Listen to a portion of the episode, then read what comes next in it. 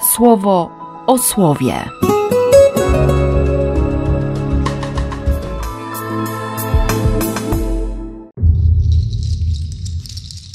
Dwudziesty ósmy lipca, czwartek.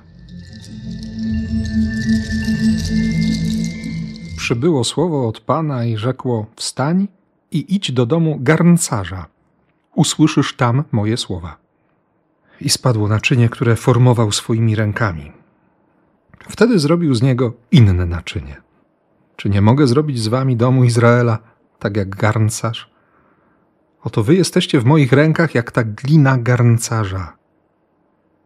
Bo on rzeczywiście, nawet kiedy, kiedy upadnę, kiedy się połamie, kiedy stracę ten właściwy kształt, on mnie weźmie w ręce i znów z cierpliwością no być może na kamieniach też, ale, ale przede wszystkim z cierpliwością i z czułością, z taką delikatnością i pewnością jednocześnie będzie mnie formował.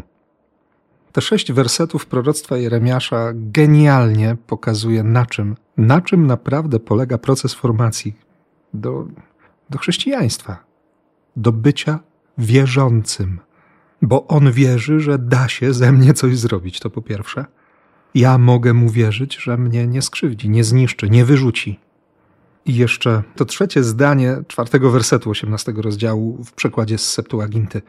Wykonał z niego to, co mu się podobało. Można ten tekst rozumieć w dwojaki sposób. Albo jako stwierdzenie absolutnej, niczym nieskrępowanej wolności w nadawaniu kształtu, albo, i myślę, że o to chodzi bardziej, przynajmniej tak dzisiaj słyszę to słowo. Takim ono do mnie przychodzi, jak kiedyś przyszło do Jeremiasza. Wykonał z niego to, co mu się podobało. On robi to, co go wprawi w zachwyt, co mu się naprawdę podoba. Jakby powrót do dnia stworzenia. Było dobre, było piękne. Ja się mogę sobie nie podobać. Ja miewam różne opinie na swój temat i na temat tych działań, które Bóg przeprowadza we mnie i ze mną.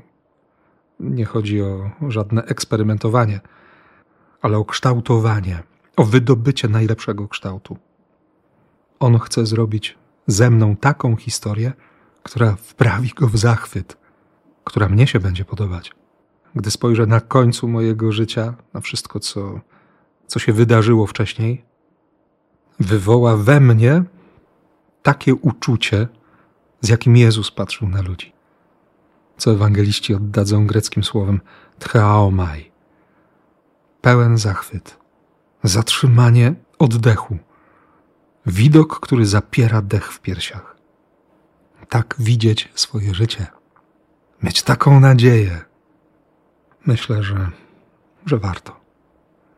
Bo on się dwoi i troi, żeby żeby tak się skończyła nasza historia tutaj na tej ziemi. Bo on tak zwyczajnie nie wyobraża sobie nieba bez nas. W sumie o tym jest ta dzisiejsza, ostatnia e, z cyklu siedmiu przypowieści o Królestwie Bożym. Królestwo niebios jest niczym sieć, rzucona w morze, zagarnia wszelkiego rodzaju ryby. Każdy ma szansę się tam dostać, nie? Właśnie dlatego, dlatego otrzymujemy tę łaskę, Dlatego mamy sakramenty, dlatego mamy wspólnotę, żeby odkrywać dobro, żeby, żeby przejmować i przyjmować to wszystko, co On daje.